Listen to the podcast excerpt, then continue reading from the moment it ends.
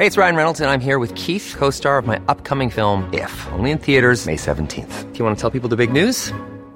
All right, I'll do. Sign up now and you'll get unlimited for $15 a month in six months of Paramount Plus Essential Plan on us. Mintmobile.com slash switch. Upfront payment of $45 equivalent to $15 per month. Unlimited over 40 gigabytes per month. Face lower speeds. Videos at 480p. Active Mint customers by 531.24 get six months of Paramount Plus Essential Plan. Auto renews after six months. Offer ends May 31st, 2024. Separate Paramount Plus registration required. Terms and conditions apply if rated PG. Ever catch yourself eating the same flavorless dinner three days in a row? Dreaming of something better? Well, HelloFresh is your guilt-free dream come true, baby. It's me, Kiki Palmer. Let's wake up those taste buds with hot, juicy pecan-crusted chicken or garlic butter shrimp scampi. Mm. Hello Fresh. Stop dreaming of all the delicious possibilities and dig in at HelloFresh.com. Let's get this dinner party started. Hiring for your small business? If you're not looking for professionals on LinkedIn, you're looking in the wrong place. That's like looking for your car keys in a fish tank.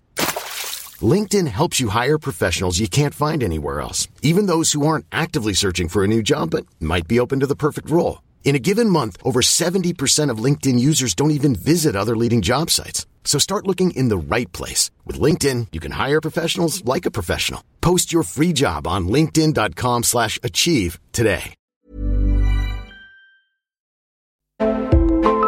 På NLA-høgskolen gir vi deg utdanning med mening. Og samfunnet trenger både sannhetssøkende journalister, kloke pedagoger, etisk bevisste økonomer og musikere som berører. Sjekk ut NLA-høgskolens studietilbud på nla.no, eller besøk et av våre studiesteder i Bergen, Kristiansand eller Oslo.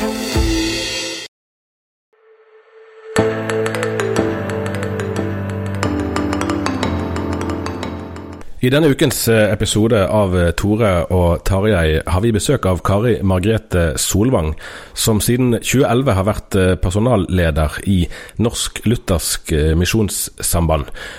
Kari Margrethe, i vår måtte dere permittere nærmere 200 ansatte pga. koronasmitten og dens konsekvenser. Nå er de fleste av disse så vidt jeg forstår, tilbake i jobb, i hvert fall mer eller mindre. Men hvordan har arbeidsåret 2020 vært for deg? Jo, takk for det. Kjekt å få lov til å være med. 2020 har jo vært hektisk. Et spesielt år. Det har det vært absolutt. Jeg har faktisk blitt 40 sjøl, så det er jo også en liten milepæl jeg har oppnådd. Så det er veldig kjekt. Ja, så det kan anbefales. Men våren 2020 var, var hektisk, altså. Vi, som du sa, på det meste hadde vi over 200 permitterte.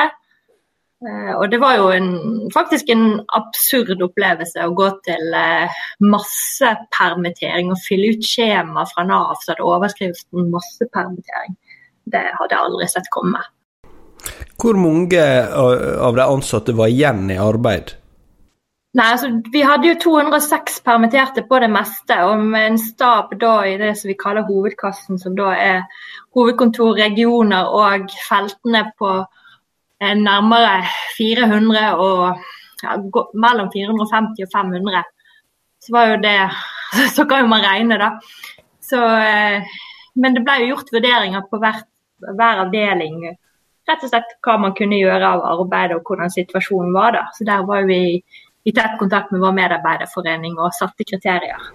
Det var jo i stor grad eh, forkynnerne som ble permittert, og det hadde jo til dels naturlige konsekvenser. Eller naturlig, uh, altså, det var en virkning av at det var mange møter som, uh, som ikke kunne avholdes. Forkynnerne regnes jo gjerne som liksom, kjernevirksomheten sant, i bedehusorganisasjoner.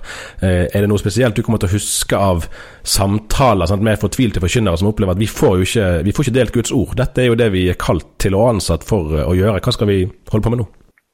Mm. Ja, Det er riktig. Altså, det handlet jo både om eh, rett og slett eh, det som vi kaller for bortfall av arbeidsoppgaver og økonomi. Det var jo begge de to tingene som gjorde at vi gikk til permitteringer. og Det var flere ansattgrupper, men selvfølgelig både forkynnere og de som har forkynnende stillinger, også i forsamlingene våre. Eh, og også misjonærer. da, Utsendinger har vi gått i permittering eh, av. Så det, det er jo spesielt. Eh, ingen av oss hadde sett for oss at det kom til å skje. og ulikt hvordan man opplever en sånn situasjon. Vi, vi, håndterer ting ulikt. Men det er ikke sånn man har sett for seg at man skulle ha det, eller sånn man skulle gå inn i 2020 og, og, og ha det på den måten. Så eh, ja, mange som har hatt eh, ulike følelser og tanker knyttet til det. og Der tror jeg mange også har vandret fra både å akseptere det og forstå det til å kjempe med seg sjøl og hvorfor meg. og Rett og slett eh, ja, har jeg jobb. sant? Den tanken kommer jo, den trygghetsfølelsen kommer jo, slår jo inn. Ja, var, det, var, det, reaksjoner for i retning av at dere var for hardhendt, at dere burde vært mer forsiktige, eller var det forståelse for uh, tiltakenes omfang blant de ansatte?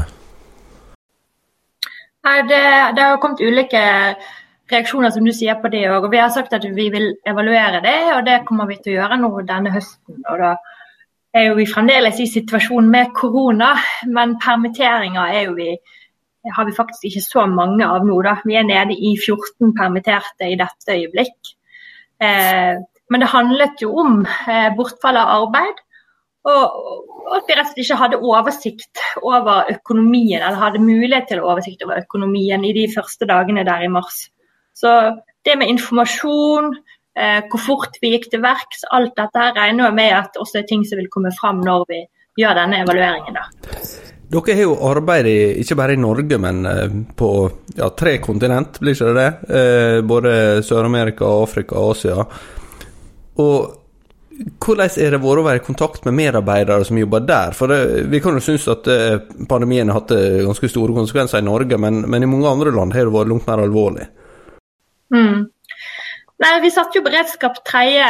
3. mars, og da handlet jo det om å følge råd og anbefalinger knyttet til de ulike land. Vurdere evakueringer, hvem er risikogrupper. Vi gikk gjennom land for land, gruppe for gruppe. Eh, hvilke av utsendingene har kontrakter som skal sluttes denne sommeren? Skal de komme til Norge før? Går det fly? Kontakt med UD? Eh, hva er gjeldende smittesituasjon i det landet og det landet. Og der er jo det svære forskjeller. Altså, vi har jo Mongolia som har jo vært hermetisk lukket eh, ganske lenge. Nå begynner det å gå charterfly inn med, for utlendinger som har visum, men samtidig så må jo du i en eh, karantene som er bestemt av myndighetene hvor skal skje, og du må sitte der i fem uker. og Du får ikke ha med deg noen eiendeler. Fem uker, faktisk? Fem uker. Og den har, eh, koster ganske mye òg, du må dekke den sjøl. Den er på, først på et sykehus eller et hotell. Og for å si sånn, Jeg hadde ikke hatt lyst til å havne på et sykehus. og så har du Peru, da, hvor vi har hatt utsendinger som har sittet 160 dager i lockdown. Og Sist uke hadde jeg kontakt med stille representant der. og Det er jo spesielt for hun òg å se at i mange av landene nå så blir det, om ikke det blir normalt igjen, så det er i hvert fall en mer normal situasjon. Og så fortsetter det bare i Peru med økte smittetall. Eh, venner mister foreldre, mange rundt de er berørte, og de har sittet inne i 160 dager. Det, det er krevende, altså. Det, det er sterkt å, å, å, ha kontakt med våre utsendinger og, og stille representanter, som særlig jeg har. da. Nå skal dere evaluere, som du sier, men, men er det allerede nå noen eh, erfaringer eller lærdommer som har gjort spesielt inntrykk på deg? Ja, altså, vi skal jo evaluere dette her. Og eh, jeg sa ganske i, i starten når vi gikk til permittering at det som jeg syns var vanskelig med å gå til permittering, det er jo altså I seg selv det å permittere er jo vondt og knyttet følelser til det. Men det at vi permitterte til en situasjon som også hadde preg av isolasjon. Veldig mye av nettverket rundt som man vanligvis har, var ikke der. Eh, når det samtidig var eh, så strengt som det var i vår, med at man ikke hadde lov til å samles. Så det er jo noe som jeg tenkte veldig mye på i, i vår. da, At disse normale systemene som fanger oss opp, de var ikke til stede. Verken menighet eller ja, aktiviteter rundt oss. da. Det å være personalleder i en eh, virksomhet, eh, i enhver virksomhet, eh, vil jo kunne innebære at man får se en del skyggesider ved arbeidet. Man må håndtere konflikter, foreta valg der noen vil bli skuffet, nærmest samme hva man gjør. Når du jobber i en misjonsorganisasjon som jo først og fremst arbeider for å utbre evangeliet, hvordan opplever du det der å ha personalarbeid som ansvarsområde? Jeg vil jo si at eh, livet og hverdagene, dagene spenner jo Arbeidsdagene spenner jo fra det, fra det spennende til det krevende, da. Og så er det vandring imellom der. Og eh, for min del så har jeg lite forutsigbare dager. Jeg, eh, det er få dager som jeg liker, da. Og så kan jeg si at det, det trives nå jeg med òg, da. At det om jeg ikke rutiner dag inn og dag ut det som jeg eh, motiveres mest av. Eh, men jeg tenker det at jeg får lov til å, å, fortsette. Jeg tenkte nå, når jeg visste jeg skulle inn i denne podkasten, så har jeg tenkt på at jeg faktisk får fortsette det arbeidet som nylig avdøde Egil Grandhagen startet og satte i gang. Så på en måte få være med og forvalte det som han også satte i gang eh, og jobbe videre med det. Da tenker jeg både for sånn arbeidsveiledning satte jo han i gang i organisasjonen. Han gjorde et viktig arbeid med å sette i gang dette med seksuelle krenkelser, altså håndtering av seksuelle krenkelser. Og misjonærbandtematikk var jo noe som han også tok opp. Så, så, det har jo vært noe som har vært med i min tjeneste, da, for å bruke det ordet, så lenge jeg har vært i denne stillingen som personalleder. Jeg begynte jo før faktisk jeg var personalleder så var jeg prosjektleder for eh, Misjonærbarnprosjektet. Dette prosjektet NLM og NMS kjørte sammen om eh, oppvekst eh, og skolegang i utlandet. Eh, og siden så har jeg fått jobbet med å få på plass systemer, ordninger. Og jeg sier jo ofte dette her med at eh, du spør om det, hvordan det er å være i en virksomhet som har liksom det med å skulle utbre evangeliet. Sånn jeg sier jo ofte at vi må greie å ha to tanker i hodet samtidig. da. At uh, vi har verdens beste visjon, og så kan vi likevel ha rammer rundt våre folk. Så der, liksom, der spenner min arbeidshverdag, da. Noen vil jo kanskje synes det er utfordrende at en i en kristen sammenheng må håndtere såpass mye sånn kompliserte saker med skuffelser. og med, altså, Som du nevner misjonærbarn, så er det mange som har hatt erfaringer som har vært veldig vanskelige, og som har preget dem for livet. Hvordan er det for deg når, når en på en måte tenker at dette her er verdens viktigste oppdrag, og at det, det så ofte blir eh, ja, konflikt og såre erfaringer? Mm. Jeg tenker det er noen fellesnevnere med andre organisasjoner, bedrifter, og så er det noen ting som er ulike. Eh, jeg tenker også når vi snakker noen ansatte, så er også NLM arbeidsgiver. Og det er det også forventninger til hva vi skal ha på plass av både systemer og ordninger. Ehm, men så tror jeg òg det at eh, sånn som du er inne på, altså vi har jo en, den åndelige dimensjonen over arbeidet vårt òg. Det er mennesker som er ansatt hos oss som har et sterkt kall. Mange idealister. Man vil noe, man vil oppleve noe. Eller man vil oppnå noe, mener jeg. Så du får der, det aspektet i tillegg, da. Så, men så tror jeg òg at eh, kanskje vi kan bli flinkere til å gå inn i situasjoner tidlig nok. Det er i hvert fall noe jeg pleier å si til våre ledere. at eh, Vi må ikke utsette å ta samtaler. og Det har vi også nedfelt at vi må ta samtaler når vi ser at ting er gjort feil, eller at vi observerer avvik. altså vi må ta tak i ting på et tidlig tidspunkt. For all erfaring tilsier jo både hos oss og hos andre at hvis ikke vi gjør det, så vil det i hvert fall eskalere. da. Så der tror jeg vi har noe å gå på. At vi kan rett og slett bli litt snille. Det, der tror jeg det er noe som vi må jobbe mer med å, å være tydelige på. Her er vi inne på mange interessante emner som det er mye å si om. Du jobber jo i en organisasjon som faktisk er eldre enn alle oss tre eh, til sammen. Eh, og folk kranglet jo før òg, for å si det sånn. Det oppstod konflikter òg i tidligere tider. Men da hadde man gjerne ikke personalavdelinger for å håndtere disse. Eh, nå hører vi jo om ord som krenkbarhet. Sant? Kanskje særlig unge mennesker kan, kan voksne folk si at ja, de er altfor De blir jo såret eh, altfor lett. Eh, og Det liksom blir en ytterlighet, eh, og den andre ytterligheten blir liksom sånn som det var før, der man bare måtte finne ut av ting sjøl uten at det var noe apparat. Eh, hva vil du si om utviklingen i tenkningen om nettopp personalarbeidet i misjonen? da? Eh, både i de nå nesten ti årene du har hatt denne jobben, eh, og i relasjon til eh, årene før det? Mm. For, for, å svare for de årene i hvert fall jeg har jobbet her, da, så Jeg kom jo inn, som du sa i sted, som personalleder for ni år siden. Og dag to så fikk vi et tilsyn fra Arbeidstilsynet som gikk helt til topps. Det var tilsyn i en liten avdeling, men fordi at vi har sentral organisering, så rammet det hele, hele virksomheten. Da. Så, da, så da var jo det å, å, få et system som var koordinert og som var likt for hele virksomheten vår. Så det, jeg tror det har vært både en økt bevissthet i samfunnet rundt, som også har påvirket oss. Det har blitt økte krav fra myndighetene, og vi er arbeidsgiver, så da må vi også følge, følge de. Og jeg merker at det er også økte krav fra ansatte. altså Det er forventninger til at det skal være systemer. Eh, og når vi da ansetter folk som har vært i annen type virksomhet, og eh, gjerne i mer sånn tekniske ingeniør... Eh, ja, hva skal du kalle det, da, den type store firmaer, så, så forventer man også at arbeidsgiver har systemer. Altså. Så, så, det er forventninger eh, fra mange hold som er annerledes bare på de ti siste årene. Men har folk forventninger til at det skal være et lavere konfliktnivå eh, i en kristen organisasjon enn i en sekulær bedrift? Jeg vet ikke om det skal være et lavere konfliktnivå. Eh, men kanskje det handler om at eh, Kanskje det handler òg om at man har andre forventninger til hva er arbeidsgiver.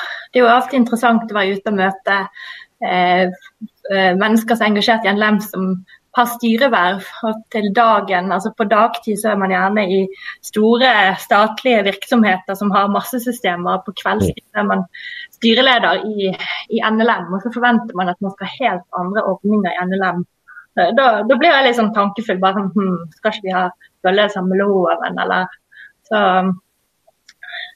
så kanskje liksom, Man møter av og til liksom andre forventninger. at denne, de skal ikke ha systemer. De skal ikke eh, gjøre sånn som man gjør i en vanlig profan bedrift. altså.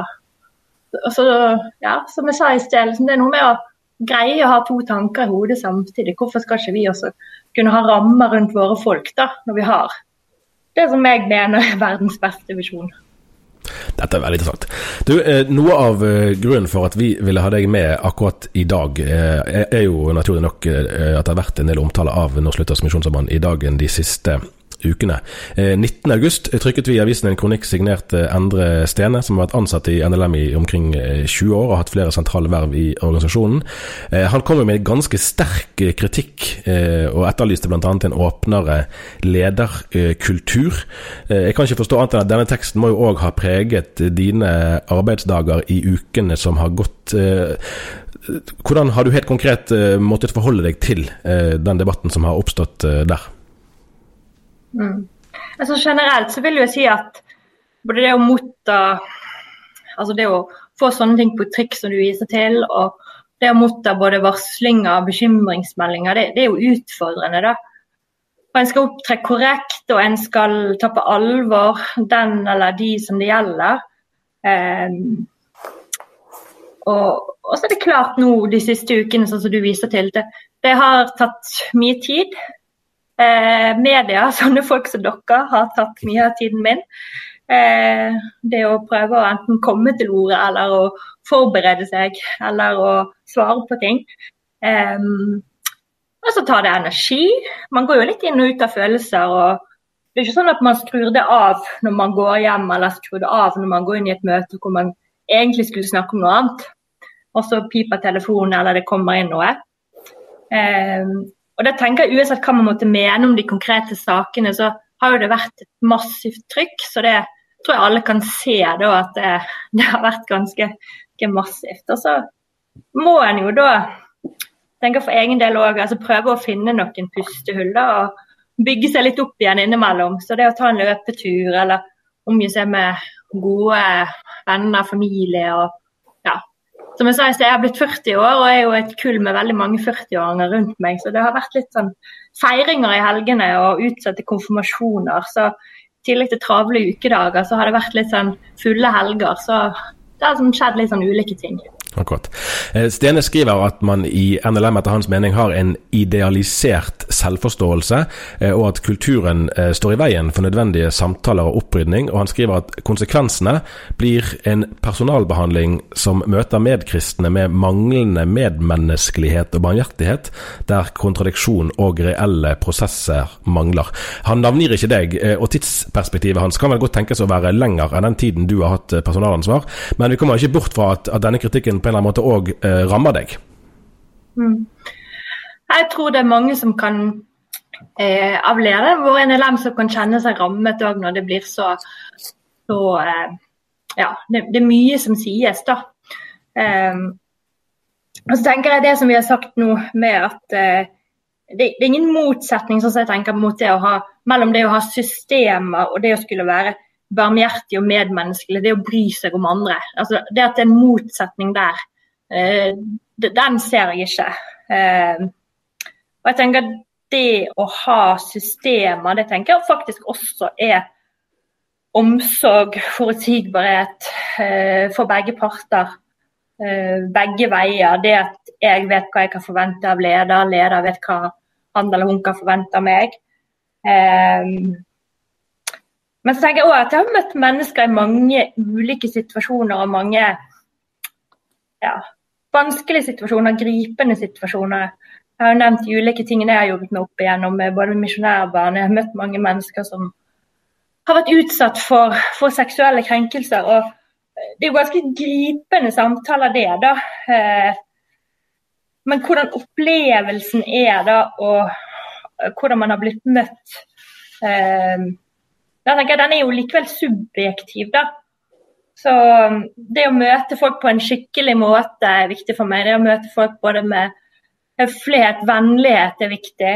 Eh, ja, være ordentlig og, og, og, og møte folk, da. Det, det, det, er viktig. Når NLM er en organisasjon som er ja, over 100, eller snart 130 år, stemmer ikke det?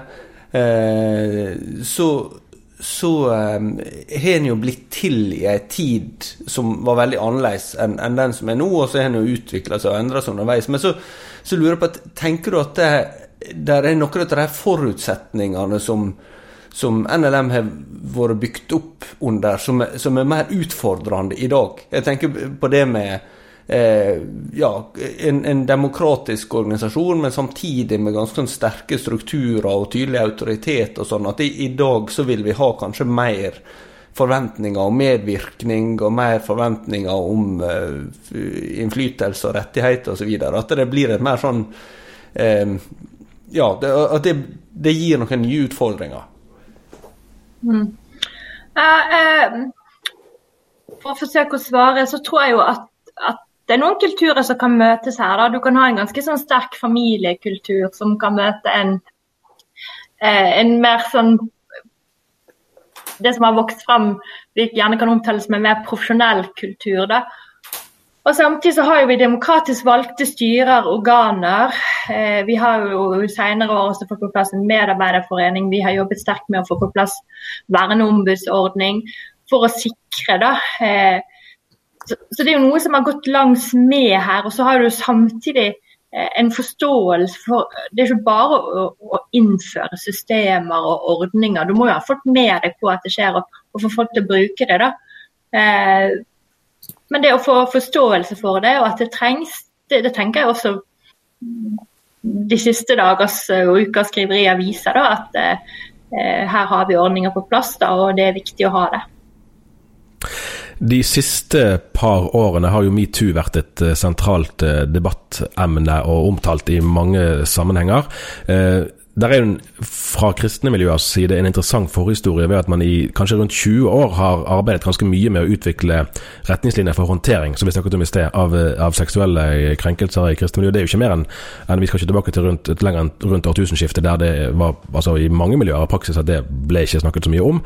Eh, jeg lurer på Hvordan vurderer du sjøl at disse retningslinjene har endret tenkemåten når man står overfor eh, krenkelsessaker? Og så er jo et spørsmål som har blitt stilt noen ganger om, om retningslinjene ivaretar de ulike partene i en sak godt nok, eller om, om på en måte pendelen har snudd litt, at man er blitt nå så opptatt av å ikke uh, gjenta fortidens feiltrinn, at nå er det de som blir uh, anklaget som risikerer å stå mer eller mindre rettsløse uh, tilbake.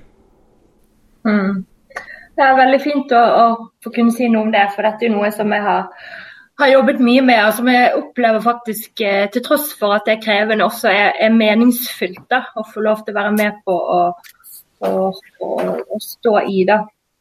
Eh, og som du sier, siden 2000-tallet så har vi hatt starten av 2000-tallet så har vi hatt retningslinjer. Sammen med Indremisjonsforbundet, sammen med eh, Nordmisjon og eh, NMS. Og de har blitt revurdert flere ganger. Eh, jeg vil jo si at vi har eh, og så har, vi, så har det også kommet en økt eh, Jeg tenker Vi har litt drahjelp nå fra samfunnet òg, med mm. metoo. At det er økt tematikk og økt oppmerksomhet på temaet. For dette er jo noe som faktisk kristne organisasjoner har jobbet lenger med og hatt systemer på lenger enn hva f.eks. man har hatt i politikken. Mm. men jeg tenker jo at det at vi har retningslinjer eh, for håndtering hvis en sak blir meldt, så er jo de tydelige på hva som skal skje, det, eh, hvordan en sak skal håndteres. Og da slår jo de inn der. Eh, og da er jo det nøye hvordan både den som er utsatt, altså den som da det meldes om eh, har opplevd noe, hvordan den skal bli fulgt opp hvordan man skal få fram historien, hvordan man skal vurdere den, hvordan man skal formidle kontakt med både sjelesørgere, eh, profesjonell hjelp hvis behov, um, og ønske hvordan man skal få en kontaktperson videre, vurdering hvis det er straffbare forhold, og politiet skal inn. Men også jeg sier noen retningslinjene om hvordan eh, det som vi da i tidlig fase kaller for anklagede, skal følges opp. Hvordan er rettighetene til den, hvordan er saksgang. Eh, hvordan skal man avklare samsvar av fakta? Eh, ja, vurdere videre forhold, altså arbeidsforhold, tillitsverv for den mens saksgang foregår. Eh, hvordan sørge for at den også som er anklaget, får eh, oppfølging, sjelesorg. Eh, ja. Så jeg tenker at det, det at vi har retningslinjer mm, som sier noe om saksbehandling eh, gir også en forutsigbarhet. da. Og jeg vil jo også si at eh, der er det faktisk også, Hvis du leser retningslinjene, så kan du faktisk også si at det er omsorg i retningslinjene ved at det er forutsigbarhet. Vi vet hva som skal skje. Eh, vi vet hvordan vi skal håndtere en sak. Og så er det dette her som du nevner til slutt med rettsløs. Rettssikkerhet er jo et begrep som fort kommer inn i disse sakene, og som har vært fulgt med oss når vi har jobbet med disse sakene. Min bekymring er jo heller Du stiller spørsmål om pendel har gått for langt. Min erfaring er jo at det er jo den utsatte som blir usynlig. Det er jo min bekymring. At den utsatte blir usynlig. Det ser vi i sak etter sak. Og vi ser jo liksom at spillerommet til den som er anklaget, ofte er stort, og så blir den får allianser rundt seg, eh, heiagjeng. Og så står den utsatt igjen, ofte alene. Da. Eh, det er jo selvfølgelig naturlig å engasjere seg rundt folk man kjenner. Eh, men det er også krevende når vi ser at man ut fra det å kjenne én side av en sak, skal både kreve oms, omkamp, også med tanke på hvilke konsekvenser det får for den som da er anklaget. Da. Så, sånn sett så er det både ressurskrevende Eh, og det kan være eh, krevende følelsesmessig å stå i dette her, men eh, om pendelen har gått for langt jeg tenker det er jo en økt bevissthet da, generelt. Som du sa med, med, i historien vår, at tidlig 2000-tallet kom jo retningslinjene. Eh, før sa vi at sånne saker ikke fantes hos oss. Eh, nå er vi veldig tydelige på at, og erkjenner at det skjer også hos oss. Og Det må vi gripe tak i. og vi har lært underveis. Det skal jeg love deg. Eh, og så må jeg si at det er også litt sånn Undrer meg, da.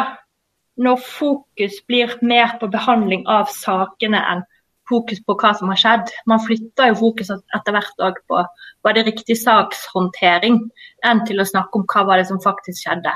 hva var det som faktisk du har gjort. Så, men eh, rettsløshet, rettssikkerhet eh, Mange ting her. Jeg tenker Som arbeidsgiver så må man ta stilling òg, da. Er dette her eh, OK atferd? Er det i tråd med våre verdier, retningslinjer?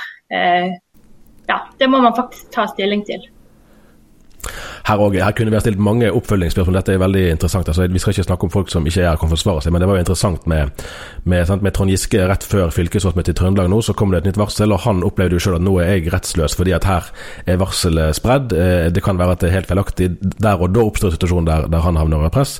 Og så kan man jo spørre seg hvem er det egentlig likevel som er offer, eh, eventuelt, da, eh, i den saken. Nå mener jeg ikke at vi skal gå inn på den, men, men det aktualiserer jo egentlig flere av de tingene du sier. Uh, Absolutt. Ja. Og det handler om å ha en god og eh, forsvarlig saksbehandling, da, for å bruke det uttrykket. Ja, ja. Eh, noe av den kritikken som likevel har kommet i løpet av de siste ukene, uh, er jo at uh, flere opplever seg Altså at det er et slags sånn fort uh, synlig eller usynlig, sant? enten rundt Fjellhaug eller i hvert fall i det sentrale NLM-miljøet, der man opplever uh, at der, man blir ikke, blir ikke, hørt, man når ikke helt frem.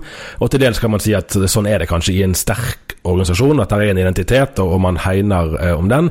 Og det vil jo alltid være enkeltsaker i en så stor sammenheng som NLM, der folk på ulike måter av ulike grunner vil oppleve at de ikke når frem med sitt syn.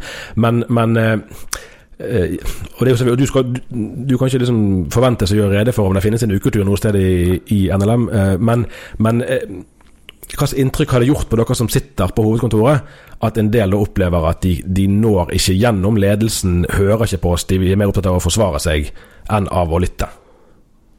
Hmm. Nei, som du sier, så har jo det kommet um, har jo det um, NLM-ledelsen blitt beskyldt for ikke å lytte og ikke være flinke nok til å lytte. Da. Uh, og, og, da er jo Hva er det å lytte? Hva er det å være medfølende nok? Eh, er noe som man stiller seg i spørsmål, selvfølgelig.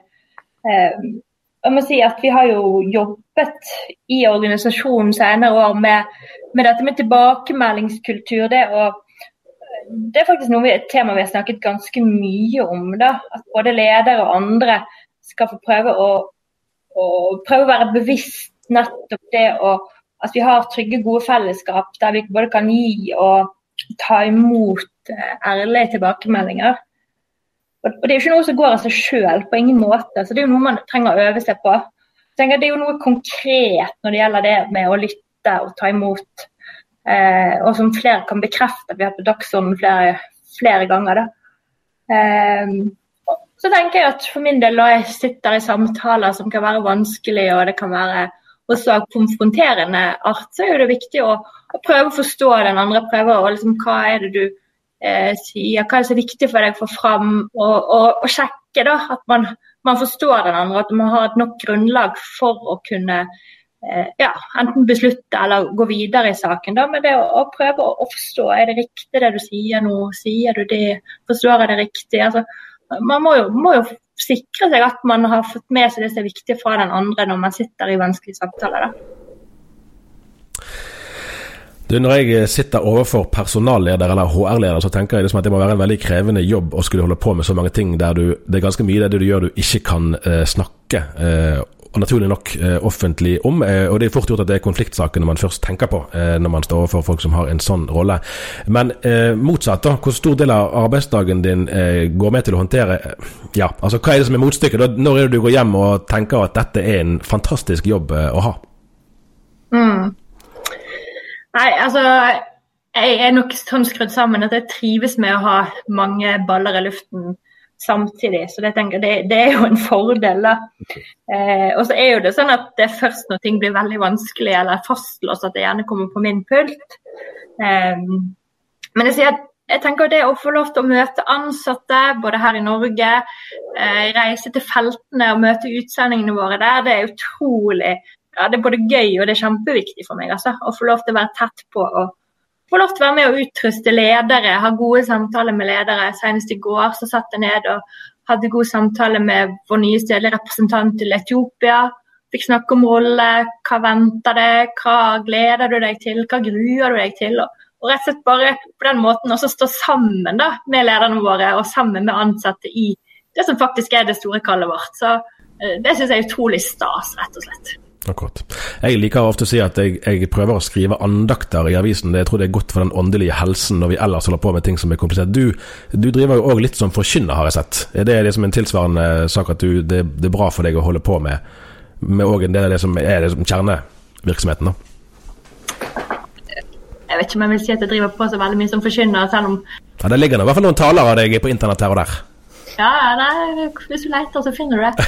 Men, eh, det er sant, det.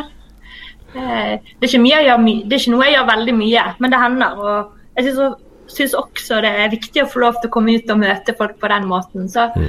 ja, jeg tenker òg at da får jeg tid til å sette meg ned og får tid til å dukke ned i, i ordet og få lov til å reflektere og, og, anvende det på både eget liv og kanskje dele litt inn i andres liv. Så det er noe som jeg, jeg prøver å gjøre innimellom. Det er mange flere spørsmål de kunne ha stilt, men jeg tror vi får si at dette var omtrent så langt vi kom i dag. Hvis noen syns at uh, Tor Hjalmar var litt lite til orde, så prøvde han så stille han kunne å bevege seg rundt omkring for å finne en stikkontakt og kunne lade datamaskinen sin i. Uh, det er sånne profesjonelle trekk som dukker opp her og der. Det lykkes meg til slutt. Ja. takk skal du ha, Kari Margrethe, for praten. Hyggelig at du ville være med. Tusen takk for at jeg fikk være med.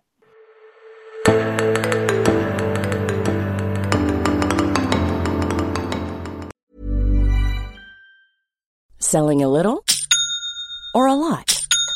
Shopify helps you do your thing however you cha-ching. Shopify is the global commerce platform that helps you sell at every stage of your business. From the launch your online shop stage to the first real life store stage, all the way to the did we just hit a million orders stage. Shopify is there to help you grow. Shopify helps you turn browsers into buyers with the internet's best converting checkout. 36% better on average compared to other leading commerce platforms because businesses that grow grow with Shopify. Get a $1 per month trial period at shopify.com/work. shopify.com/work. Ever catch yourself eating the same flavorless dinner 3 days in a row, dreaming of something better? Well, HelloFresh is your guilt-free dream come true, baby. It's me, Gigi Palmer. Let's wake up those taste buds with hot, juicy pecan crusted chicken or garlic butter shrimp scampi. Mm. Hello Fresh. Stop dreaming of all the delicious possibilities and dig in at HelloFresh.com. Let's get this dinner party started.